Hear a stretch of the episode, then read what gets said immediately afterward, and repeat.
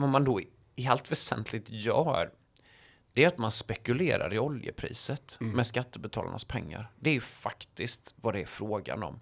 Med hundratals miljoner bygger du en så kallad business på eh, att spekulera i oljepriset. Och varför skulle ett antal analytiker på ett kommunalt bolag i Västerås vara de som är, vet mest om oljeprisets utveckling?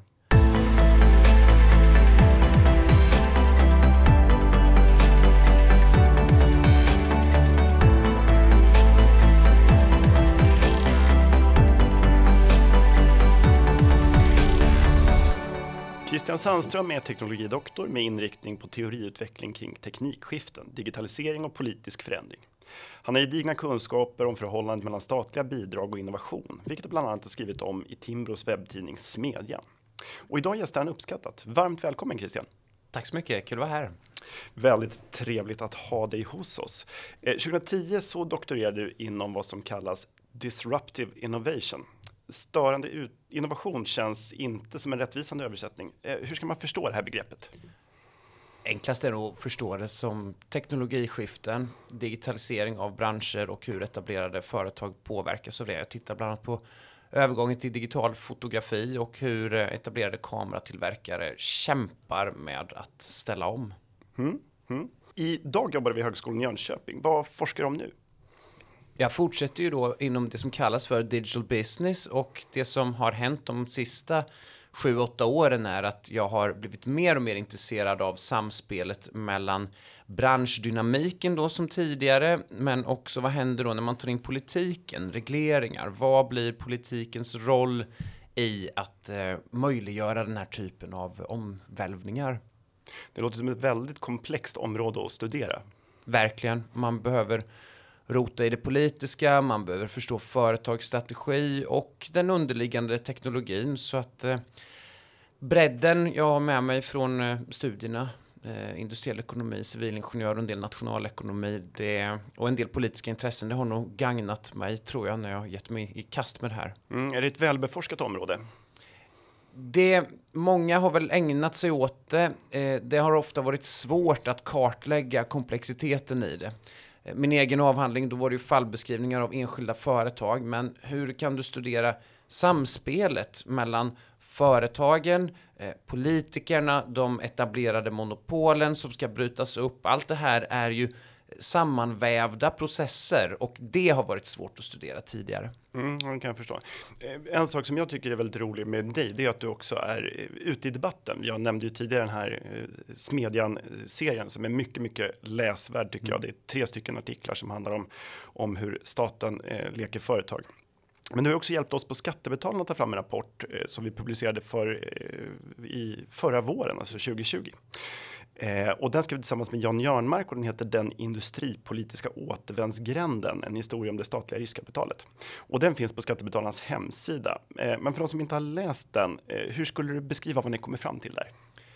Vi gör en genomgång av den evidens som finns på området gällande ja, staten som kapitalet som artikelserien på Smedjan då heter och eh, där tittar vi på allt ifrån riktade små företagsstöd som Vinnova tillhandahåller till eh, större eh, satsningar som eh, eh, har försökt att eh, få till de här hållbarhetsomvälvningarna och introducera helt ny teknik där staten ger sig in och är mycket mer interventionistisk till att vi tittar på alla stödorganisationer, bidragssökande aktiviteter och en, en helhet någonstans så har vi försökt att, att komma upp med. Då. Mm.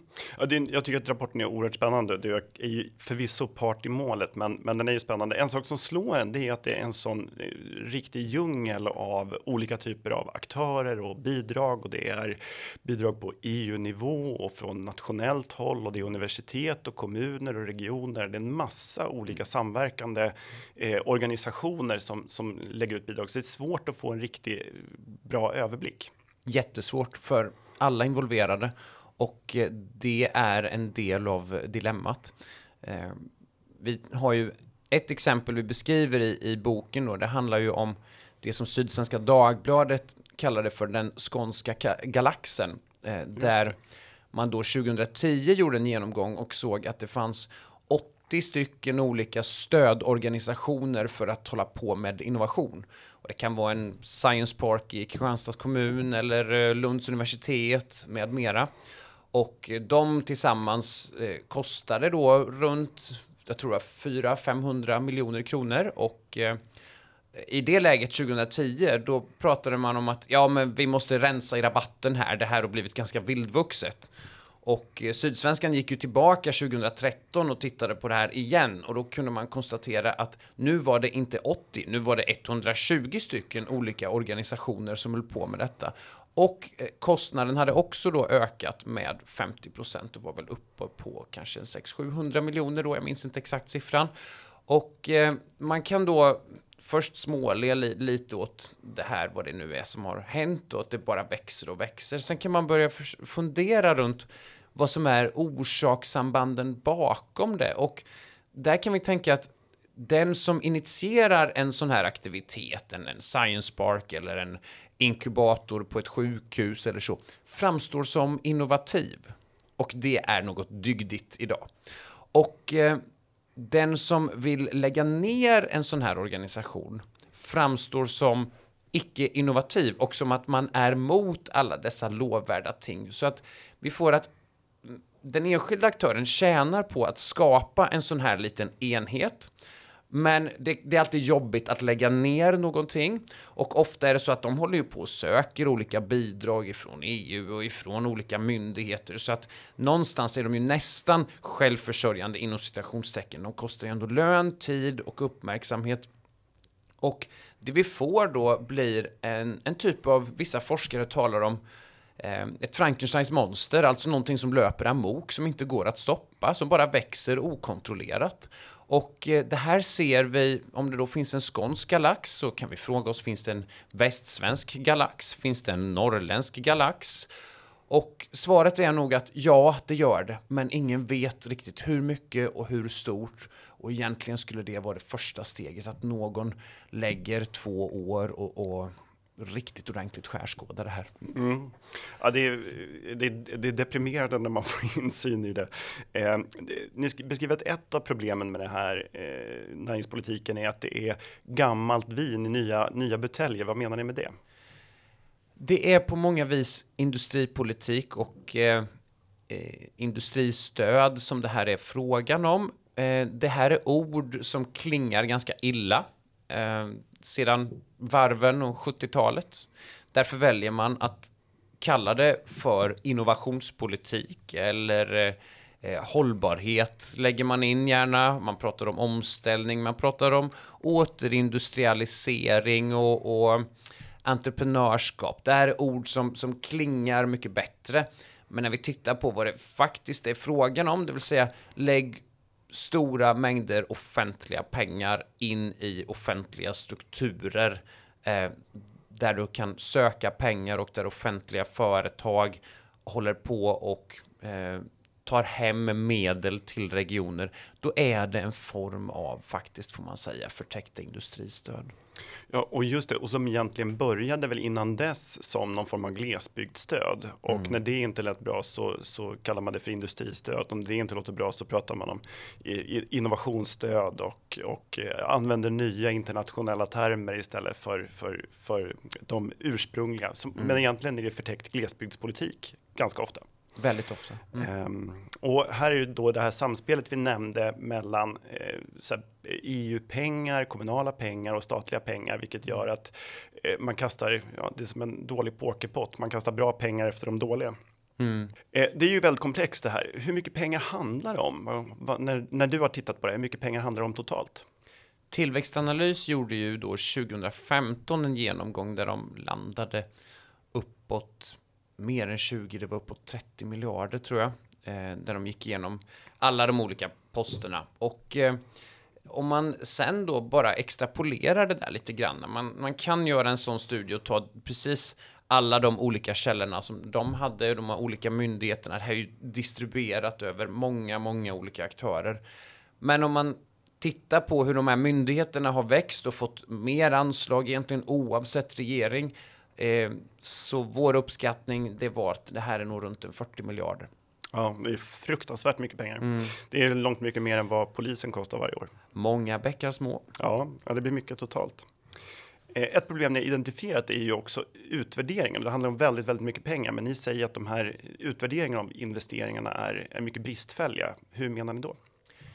I den studie vi publicerade i Ekonomisk Debatt här i våras och vi hade en tillhörande artikel på DN Debatt, det var jag och Carl Wennberg och Elias Collin, så gick vi då igenom 110 stycken utvärderingar av näringspolitiken. Och eh, vad vi kunde visa där, det var ju att den överväldigande majoriteten av de här var positiva eller neutrala i sina omdömen och slutsatser. Detta trots att det väldigt sällan egentligen fanns en effektanalys av det, utan man hade ofta frågar man företag som fått medel om det var bra att de fick gratis pengar. Alltså, nu låter jag lite raljant, mm. men, men lite var det faktiskt så att metoderna är ofta bristfälliga och det har också Riksrevisionen konstaterat. Eh, trots det så är det positiva och neutrala utlåtanden och väldigt, väldigt få negativa, även ifrån forskare. Och det vi gjorde i nästa läge då, det var att vi tittade på vilka är det som utvärderar? Och då finns det olika kategorier, så vi ser då att det finns både eh, konsultföretag som gör det här och egentligen är vinstmaximerande tjänsteföretag. Sen finns det andra myndigheter som Tillväxtanalys och Riksrevisionen. Eh, vi har även forskargrupper och vi har även att myndigheter utvärderar sig själva. Mm. Och det vi ser då, det är ju att eh, konsultföretag, men även forskargrupper och självutvärderingar det finns knappt en enda negativ utvärdering där. Eh, och det är alltså frågan om intressekonflikter. Hur ska du kunna göra ett objektivt, kritiskt granskande jobb när du sitter och debiterar per timme och du vet att i nästa upphandling eh, så står du där och har en myndighet på andra sidan som du då innan har utvärderat. Det är intressekonflikter som, som är så uppenbara tycker jag att, att eh, det är konstigt att det får fortsätta. Hur borde man göra istället då? Man borde stärka Riksrevisionen, man borde stärka de utvärderande andra myndigheterna, bygga upp deras forskningskompetens och eh, också stärka departementen och deras förmåga att utvärdera och kritiskt granska det här. Mm. Det finns ju många röster som höjs för att staten ändå har en viktig funktion, inte minst i liksom tidiga faser av, av eh, utveckling och forskning. Eh, och en av de som har varit väldigt populär de senaste åren är Marina, Mariana eh, Muzakato eh, och det hon kallar för entreprenörsstaten. Hon har haft en, en, en väldig popularitetsvåg de senaste åren. Vem är hon och, och vad ser du för problem med hennes teori? Det är en av de mest tongivande forskarna inom den här innovationssystemforskningen. Hon kommer då från University of Sussex där hon har varit under många års tid och eh, en forskare som kanske, ja, har gjort en, en ganska vanlig akademisk karriär, får man väl säga.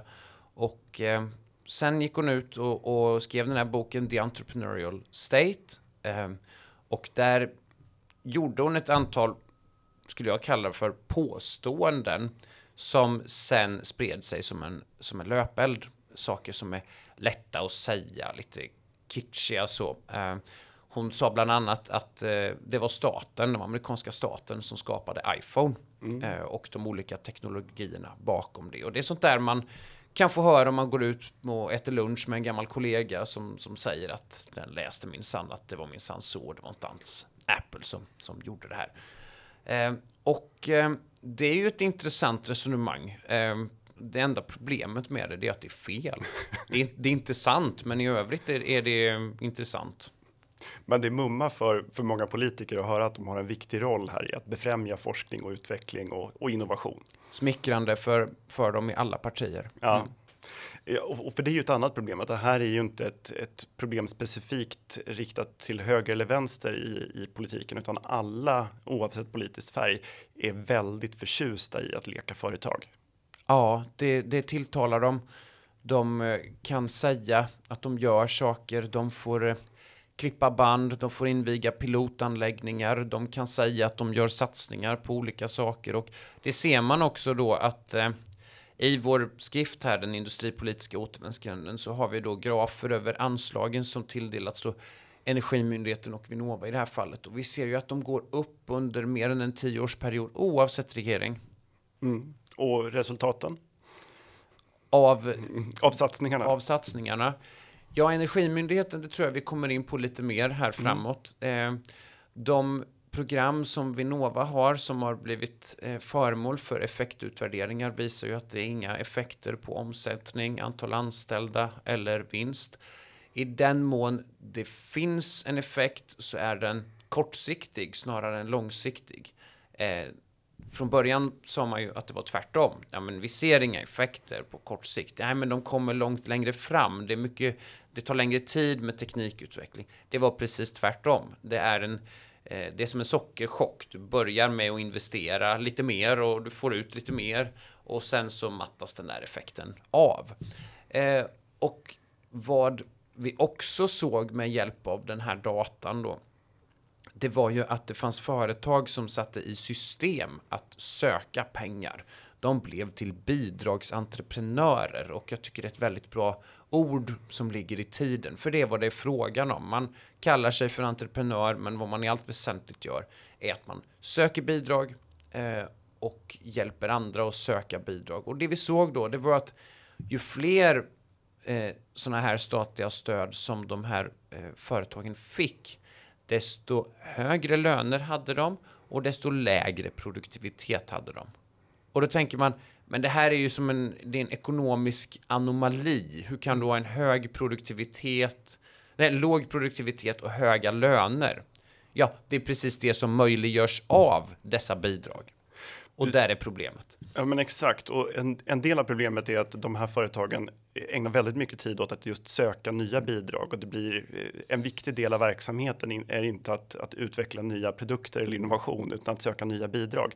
Men det tränger också undan andra satsningar på andra områden till innovationer som kanske hade varit bättre. Eh, ja, nej, det är mycket intressant. Om vi ska bli konkreta, nu har vi hållit oss på ett övergripande plan, men, men ett exempel som du nämner är ju eh, Sekab. Eh, vad är det här för företag? Det är ett företag som eh, var föremål för Uppdrag granskning för ett antal år sedan. Så det finns en SVT-dokumentär som är, som är väldigt bra, som jag rekommenderar. Vi skriver egentligen om den här historien ganska kort och summariskt då i, i eh, boken och försöker extrahera en del av lärdomarna från det. Sekab är då eh, en organisation som har funnits ganska länge, men som under 2000-talet styr om verksamheten mer och mer till och att idén är att man ska utvinna etanol ur cellulosa. Alltså, du ska göra etanol av skogen i Norrland. Så att det här är då ett företag som eh, företrädesvis då finns i, i Umeå-trakten och som är då delägt av tre stycken olika eh, kommuner. Så att det här är, en, det är ett offentligt företag där eh, de ganska tidigt börjar söka och få stora anslag från Energimyndigheten med fler. Eh, Göran Persson, eh, statsminister, är där och inviger etanolpiloten då, eh, pilotanläggningen 2004.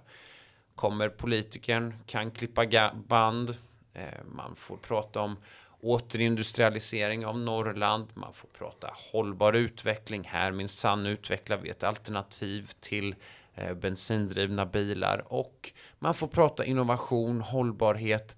Det checkar alla boxar så det går, det är ingen som kan ifrågasätta det. Och den som driver det här under de här åren som är vd för det, det är ju en man vid namn Per Karstedt, en tidigare bilförsäljare som sen ger sig in i den här branschen och är oerhört skicklig på att övertyga och få hem pengar till bygden. Det är EU-pengar, det är Sida-pengar, det är Energimyndigheten-pengar som sen radas på varandra på, på, på olika sätt för detta ändamål att utveckla eh, etanol ur cellulosa som sen visar sig vara väldigt svårt tekniskt. Ja, och man har väl inte kommit så långt. Det, det, det landar i att man sen börjar starta eh, fabriker i, i, helt andra länder, eller hur? Mm. Eh, och man är väl bland annat i Ungern och Polen och, och, försöker göra det här. Och då ska man komma ihåg att det är förbjudet att bedriva för kommuner att bedriva verksamhet utomlands. Ja, precis. Så att de börjar göra detta och eh, eh de är nere i Afrika också och håller på att fixa land och anlitar konsulter i Mosambik. Och, och, alltså det, det är en historia som... Eh, det är bidragsentreprenörskap som globaliseras och det räcker att söka lite grann så hittar man ju att de har ju fått mycket Sida-pengar också inom åren. Så att det är Energimyndigheten pengar, ja men då kör du på etanolspåret då. Och sen visar det sig att det där funkade kanske inte riktigt, men vi har ändå pengar för det, vi håller på med. Och så lyckas man få in Sida-pengar, mycket pengar, och då måste du utomlands och ägna dig åt någon typ av biståndsrelaterad verksamhet. Och då börjar man göra detta. Och så blandas de här pengapåsarna med skattebetalarnas pengapåsar på allt mer esoteriska vis och eh, så småningom uppdagas ju en del av detta, eller rättare sagt, folk visste om det hela tiden, men 2007 tror jag det var, så, så är det som, formellt får kommunen veta detta, att bolaget håller på att spendera skattebetalarnas pengar utomlands på, på de här grejerna. Och det är alltså inte lagligt, det får man inte göra. Och där någonstans börjar man dra lite granna i bromsen.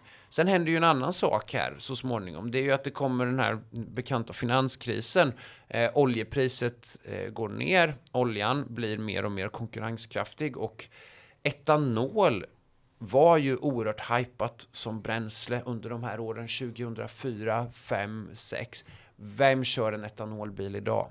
Så att det är ett typiskt exempel också då på hur staten satsar på en häst, men den hästen den springer i diket. Mm. Mm. Picking winners. Och det här är väl att jämföra lite med de här enorma biogassatsningarna vi har sett på på några håll.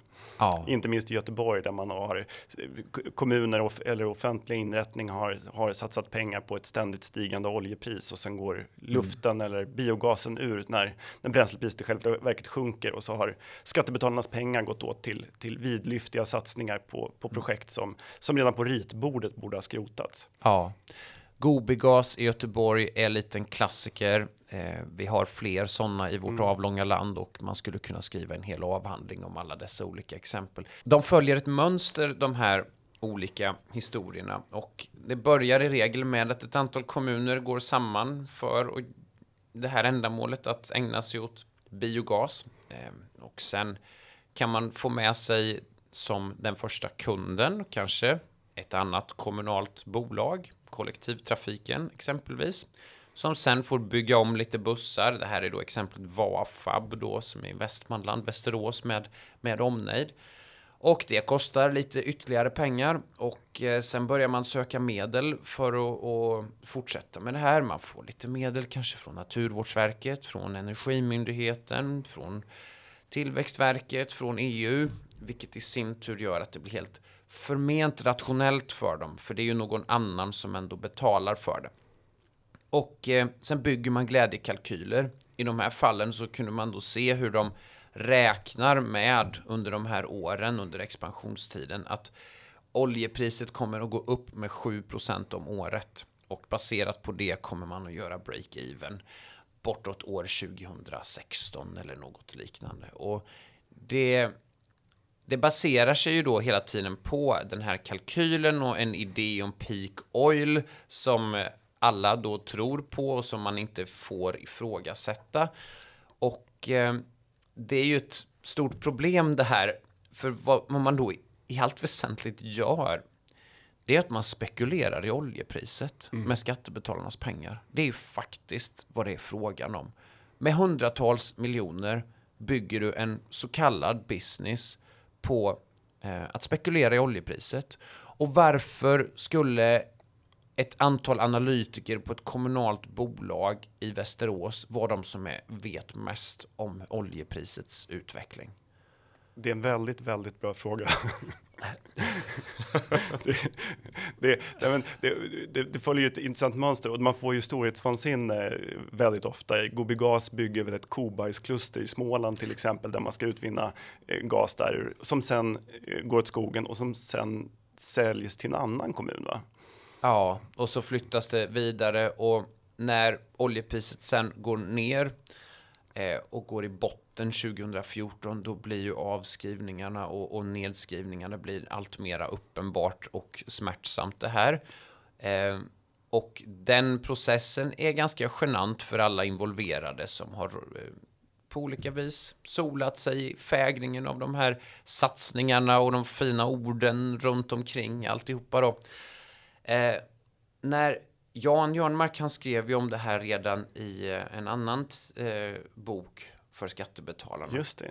Eh, historien om staden som blev en räknesnurra. Precis som Göteborg. Ja, och där tog han exemplet att när det här i fallet med, med Göteborg och Göteborg Energi hade blivit helt uppenbart och, och det, så att säga, det var bara ett städjobb kvar.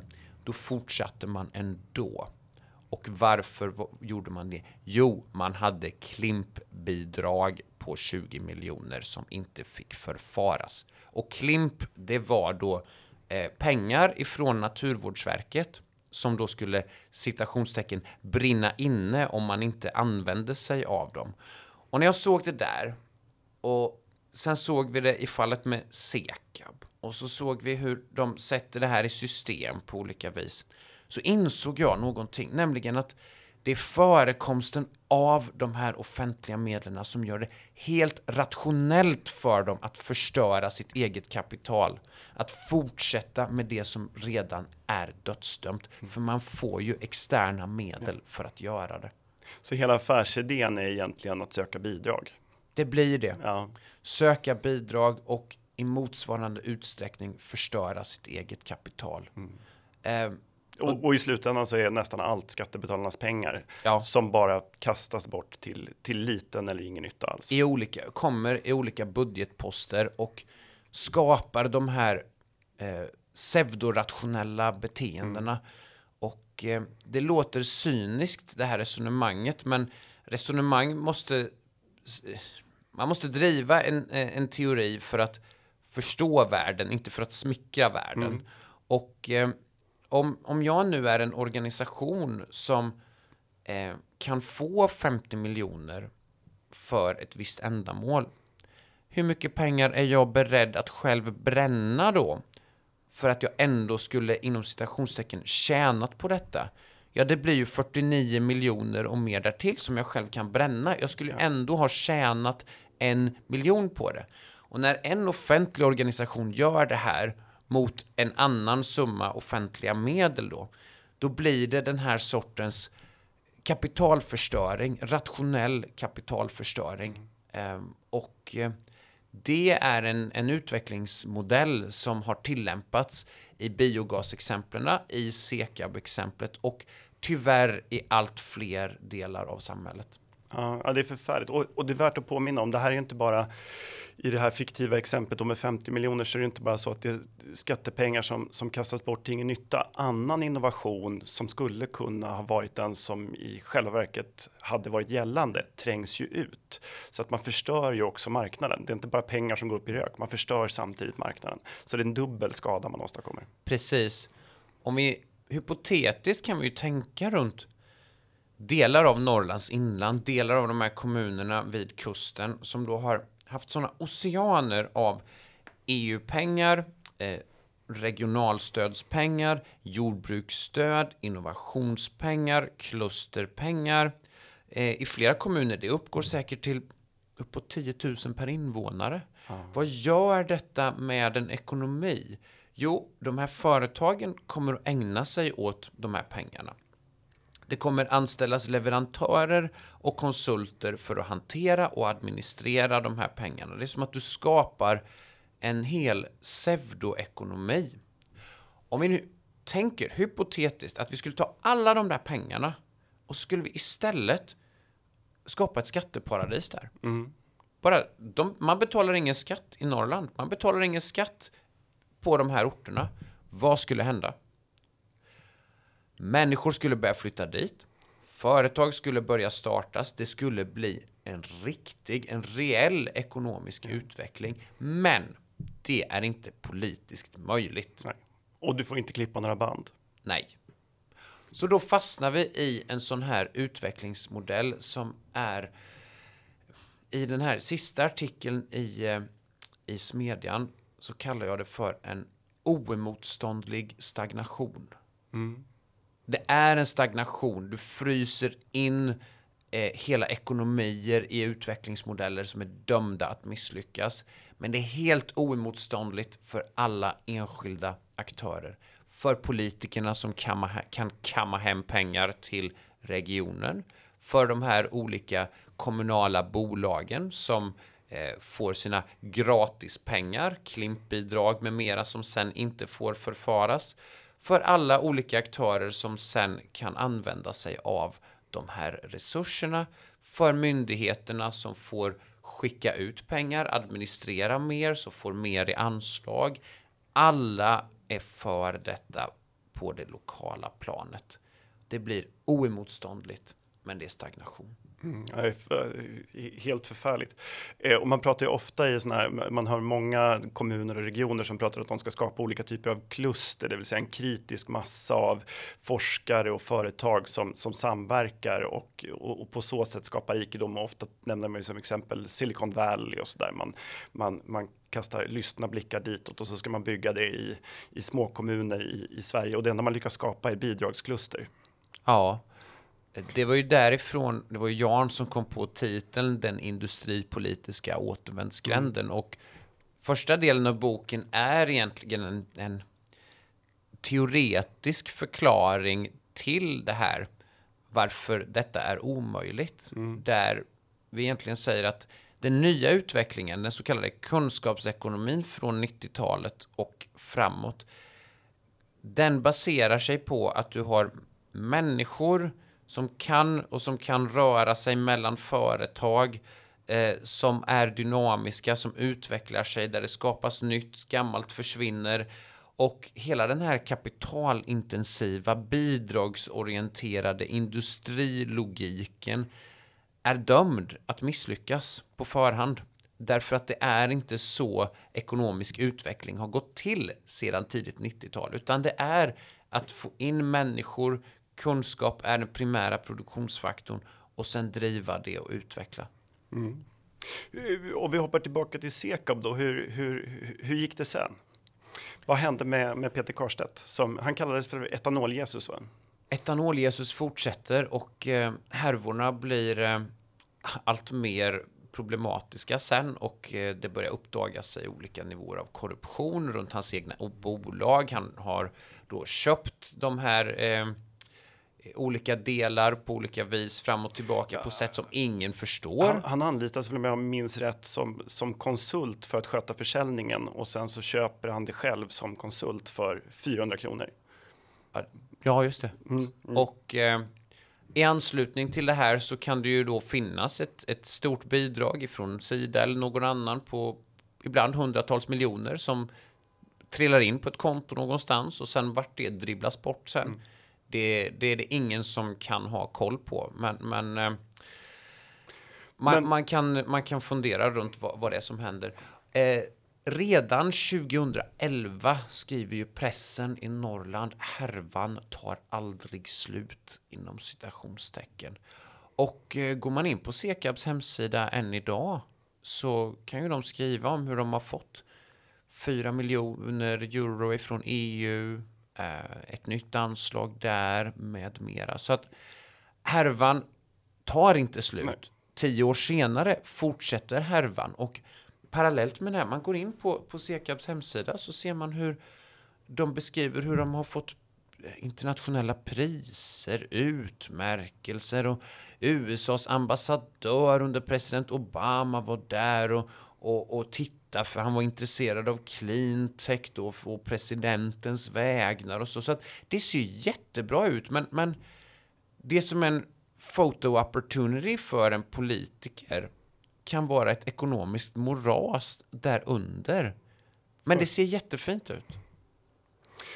Och eh, om man då ska börja runda av här, så har jag några frågor kvar. Eh, om, om politiker inte ska ägna sig då åt åt eh, styrning och innovation. Vad borde, vad borde man koncentrera sig på istället?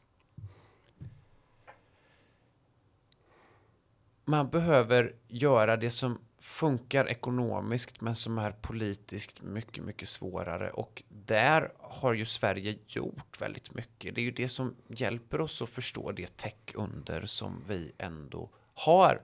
Eh, vi behöver lösa kompetensförsörjningen eh, parallellt med att staten ägnar sig åt sådana här saker så blir den också sämre på viktigare uppgifter. Det är en, det är en alternativ användning av uppmärksamhet och resurser. Vi har under en lång tid haft ett utbildningssystem som har brustit i kvalitet och i relevans. Det behöver fixas. Eh, bortom detta är förutsättningarna för att starta och driva företag. Det handlar om arbetsgivaravgifter, det handlar om eh, arbetsmarknadsregleringar, det handlar om bostadsmarknaden och att det, det är svårt att få folk att flytta till Sverige. Den sortens frågor, men de är politiskt jobbigare att ta i, därför gör man inte det. Så det är vad man borde göra. Och här är, här är det som är kanske nästan det svåraste av allt att, att kommunicera och göra. Det är att man ska inte söka bidrag. Nej. Man tänker, ett företag tänker, det är ju gratis pengar. Politiker, länsstyrelser, kommuner tänker, ja men lite EU-pengar är aldrig fel. Vi betalar ju ändå in, nu kan vi ju söka om de här pengarna. Nej, man ska inte göra det. Man ska inte söka dem, man ska betrakta det som eh, förlorade pengar. För när man försöker att Ta dem så kommer de med eh, en förväntning om en massa saker. Eh, det börjar mobilisera tid, kraft, resurser på sätt som är skadliga och vi förlamas. Jag var för några år sedan blev jag kontaktad av en person i en mindre kommun i, i Skåne som var intresserad av innovation och utveckling och ville prata med mig. Och så sa han att han hade en idé här och att han skulle söka pengar ifrån Vinnova till kommunen för att göra detta för att kunna prata om innovation i kom kommunen och så. Och direkt kände jag bara, jag, nej, jag tar mig för pannan här. Men nej, det är inte det ni ska göra. Ni ska se till så att företagsklimatet blir bättre, så att det blir enklare att starta, driva, utveckla verksamheter. Sköt kompetensförsörjningen och, och ägna er uppmärksamhet åt det, inte det andra. Boring business helt enkelt, ja. alltså skapa förutsättningar. Det är också, när du säger det så, så slår det mig att ett, ett annat problem är att har man de här bidragen så, så måste man ju söka dem och då är det ofta vissa eh, liksom faktorer som ska uppfyllas. Det är vissa kodord som ska användas mm. och det gör att man ibland har kanske en affärsmodell som man skruvar, mm. eh, inte åt ett håll som man tror är bättre eh, för, för själva innovationen, men som är bättre för att söka bidrag så att man perverterar liksom affärsidén mm. mm. genom de här bidragen också. Genom en gradvis process, en droppe som urholkar en sten, mm. så förvrängs organisationer och företag. Jag tror inte att Sekab från början var avsett att sluta, eller fortsätta ska jag säga, fortsätta som, som det gjorde. Utan, utan från början fann, fanns det ädla kommersiella, potentiellt också ambitioner. Men, men det är gradvis och oartikulerat av, av de ja. eh, involverade parterna. Just det, och, och, med många stora ord och så, så är det svårt sen att dra sig ur med, med heden i behåll. Mm. Eh, du har beskrivit statens uppgift lite som, som en, eh, någon som, som har hönor på sin gård. Kan du inte berätta hur, hur du tänker, vad statens uppgift borde vara? Mm. Ja, eh, liknelsen här om vi tänker att du har en höna och sen vill du att hönan ska lägga mer ägg. Du, du vill ha mer ägg, så det, det är utfallet. Och eh, då kan du eh, åstadkomma det här på två sätt. Antingen kan du göra så att hönan får det bättre. Du kan eh, fixa en ekologisk kudde för hönan att sitta på. Du kan hantera liksom, temperaturen, se till så den blir bra och sätta upp lite tavlor och hantera den psykosociala miljön runt hönan. Så. Och eh, jag raljerar lite granna men, men, eh, men det är det ena man kan göra. Eller det andra man kan göra, det är att ta fram en hagelbössa och gå ut och skjuta en räv. Alltså, du kan antingen ge stöd till någonting eller så kan du fokusera på att ta bort problem. Eh, att ge stöd till någon, det är ingenting som är kontroversiellt. Du har inga fiender om du gör det. Det funkar inte, men du har inga fiender. Det omvända gäller med att skjuta räven, eller om det är en grizzlybjörn, det vill mm. säga att ditt eget liv står på spel, då kommer du inte att göra detta. Eh, så att eh, vad vi då får över tiden, det är fler och fler som håller på och gullar med en höna. Och låtsas att det inte finns någon räv eller någon björn för den delen, utan det blir elefanten i rummet. Mm. Eh, den är politiskt omöjlig att hantera. Eh, och det är det vi ser med det här med innovationspolitik och olika former av stöd. Eh, ja, men tänk, om vi går tillbaka till 2005, 2006 så det gick säkert att söka bidrag för att utveckla en samåkningstjänst som skulle vara lite mer ekologiskt hållbar. Ja, det är jättebra. Det är stöd till lite hönor. Man kan gulla lite med så. Ja, men den stora brännande frågan, det är ju när Uber träder in. Mm. Och vad händer med politiken nu? Jag säger inte att Uber är, är så att säga 100% rätt och den gamla taxiindustrin är 100% fel och gammal. Men politikens roll är att hantera de här konflikterna. Att se att det finns intressegrupper som står i vägen. Konstruktivt hantera intressegrupperna när de ställs mot varandra. Men det gör man inte. Den sort, det är innovationspolitik. Mm att hantera spänningar och konflikter och skapa bättre förutsättningar för de nya aktörerna att växa fram. Och det är ju politisk eller borde vara politisk kärnkompetens att se vilka problem som finns och undanröja dem genom sänkta skatter eller avregleringar medan det inte är politisk kärnkompetens att veta vilken teknik som kommer att bli ledande eller mm. eh, hur bränslepriser kommer att utvecklas. Mm. För det är någonting som tjänstemän och politiker sällan är särskilt lämpade att göra. Det finns det väldigt många intelligenta människor som ägnar sig åt på annat håll. Mm. Ja, intressant. Eh, eh, avslutningsvis då. Ett projekt som, som har fått alla mina varningsklockor att ringa är ju det statliga initiativet Hybrid eller då eh, LKAB, SSAB och Vattenfall som ska göra koldioxidfritt stål. Mm. Eh, jag ser med viss oro på den här utvecklingen för jag tycker att det, det, det har spår av, av liknande sådana satsningar som Sekab eller Gobigas. Mm. Eh, vad, är, vad, är, vad är dina fem cent i den här frågan? Ja, det är alla varningsklockor skäller för fullt hela tiden. Eh, och parallellerna med detta Sekab är så slående så att man, man nästan blir mörkrädd. Eh, det ska då skapas så kallat fossilfritt stål. Eh, och när man då tittar lite närmare på det här så är det då eh, stål där du inte använder kol eh, utan du använder dig av vätgas istället. Mm. Och eh, den här vätgasen behöver då framställas genom en process som är elektrolys. Och då använder du alltså elektricitet, stora mängder elektricitet. Och om den elektriciteten i sin tur kommer ifrån kolkraft, ja då är det ju inte så fossilfritt det här eh, stålet Nej. i slutändan. Så då måste man alltså ha jättemycket grön då elektricitet för att även stålet ska vara fossilfritt. Och närmare bestämt ska man då ha 65-70 terawattimmar. 65-70 terawattimmar, det är ungefär hälften av Sveriges elproduktion idag. Och den ska man då ta i anspråk. Och det här är eh, det är en jättebra illustration av hur man eh, eh, på politisk maner egentligen låtsas att det är fossilfritt. Men, men det finns ju en alternativ användning för all den här gröna elektriciteten. Du hade kunnat spara mer koldioxid på andra sätt. Mycket mer hade du kunnat spara, men det låtsas man inte om, utan nu har det här blivit en stor, stor, stor grej som eh, drivs på alla fronter. Och återigen ser vi då förekomsten av stora offentliga medel som förvränger allt det här. Mm.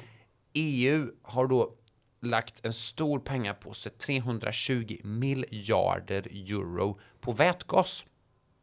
Det vill säga alla som håller på med vätgas, en teknik som ingen bemödat sig med att utveckla eh, på något väsentligt sätt. Men alla som håller på med detta nu kan då kamma hem sådana här pengar. Och det är klart att det förvränger kalkylen för ett ståltillverkare som SSAB. Så att det är bidragsentreprenörskap på precis samma sätt som förvränger hela kalkylen och gör dem immuna mot risk. och sen är det att man låtsas som att det inte finns en alternativ användning för den här kopiösa mängden elektricitet. Så att det är inte fossilfritt, det är vätgasbaserat stål. Eh, och sen har nuvarande statsminister invigt pilotanläggning i Norrland. Hybrid pilotanläggning, precis som statsminister Göran Persson gjorde. Så parallellerna är nästan så på pricken och de kan framstå som industrialister och de har samma fina eh, värdeord runt mm. sig som gör att det här är, det är en politisk produkt. Det är eh, hållbart, det är återindustrialisering av Norrland, det är nya arbetstillfällen, det är innovation, det är ny teknik och det är stål i det här fallet, ja. en svensk sån här paradgren. Så, så det, det är som en häxbrygd av återigen oemotståndlig stagnation. Ja, det ska bli spännande eh, och förskräckande att, att följa den här utvecklingen. För jag, som sagt, alla varningsklockor ringer när det gäller även hybrid. Eh, det är bara att det här på en, det är som Sekab fast på en större och statlig skala. Ja, det, det är på ännu större skala. Och betänk nu då att det talas redan nu om elbrist. Mm. Och nu är det förvisso säger de att det är 20 år in i tiden om man skulle skala upp där som man då behöver de här mängderna. Men elnätet är, är redan egentligen överutnyttjat, underinvesterat i och skört. Och att göra den sortens satsningar i, i dessa tider när man dessutom pratar om en elektrifiering av fordonsflottan. Ja, eh, det det kan bli en stor valfråga det här. Kanske mm. det kan bli det redan 2022, vem ja, vet? Låt oss hoppas. Det låter som vi kan få se fram emot en framtid där vi har Earth Hour mest hela tiden. Slä, släckta lampor överallt. Eh, vi får säkert anledning att eh, återkomma till detta ämne och eh, hoppas att kunna ha dig som gäst eh, snart igen. Stort tack Christian för att du kom hit idag. Tack så mycket Christian, jätteroligt att vara här. Jag ska avsluta med att säga att Uppskattat är som sagt en podd från Skattebetalarnas förening. Vi verkar för låga och rättvisa skatter, rättssäkerhet för skattskyldiga och minskat slöseri med skattepengar. Vår verksamhet är helt beroende av frivilliga bidrag. Vi tar inte emot några medel från det offentliga. Eh, och vill du stötta oss och tycker att vi gör ett bra arbete så gör man det enklast genom att bli medlem hos oss. Och det blir man enklast på www.skattebetalarna.se bli medlem.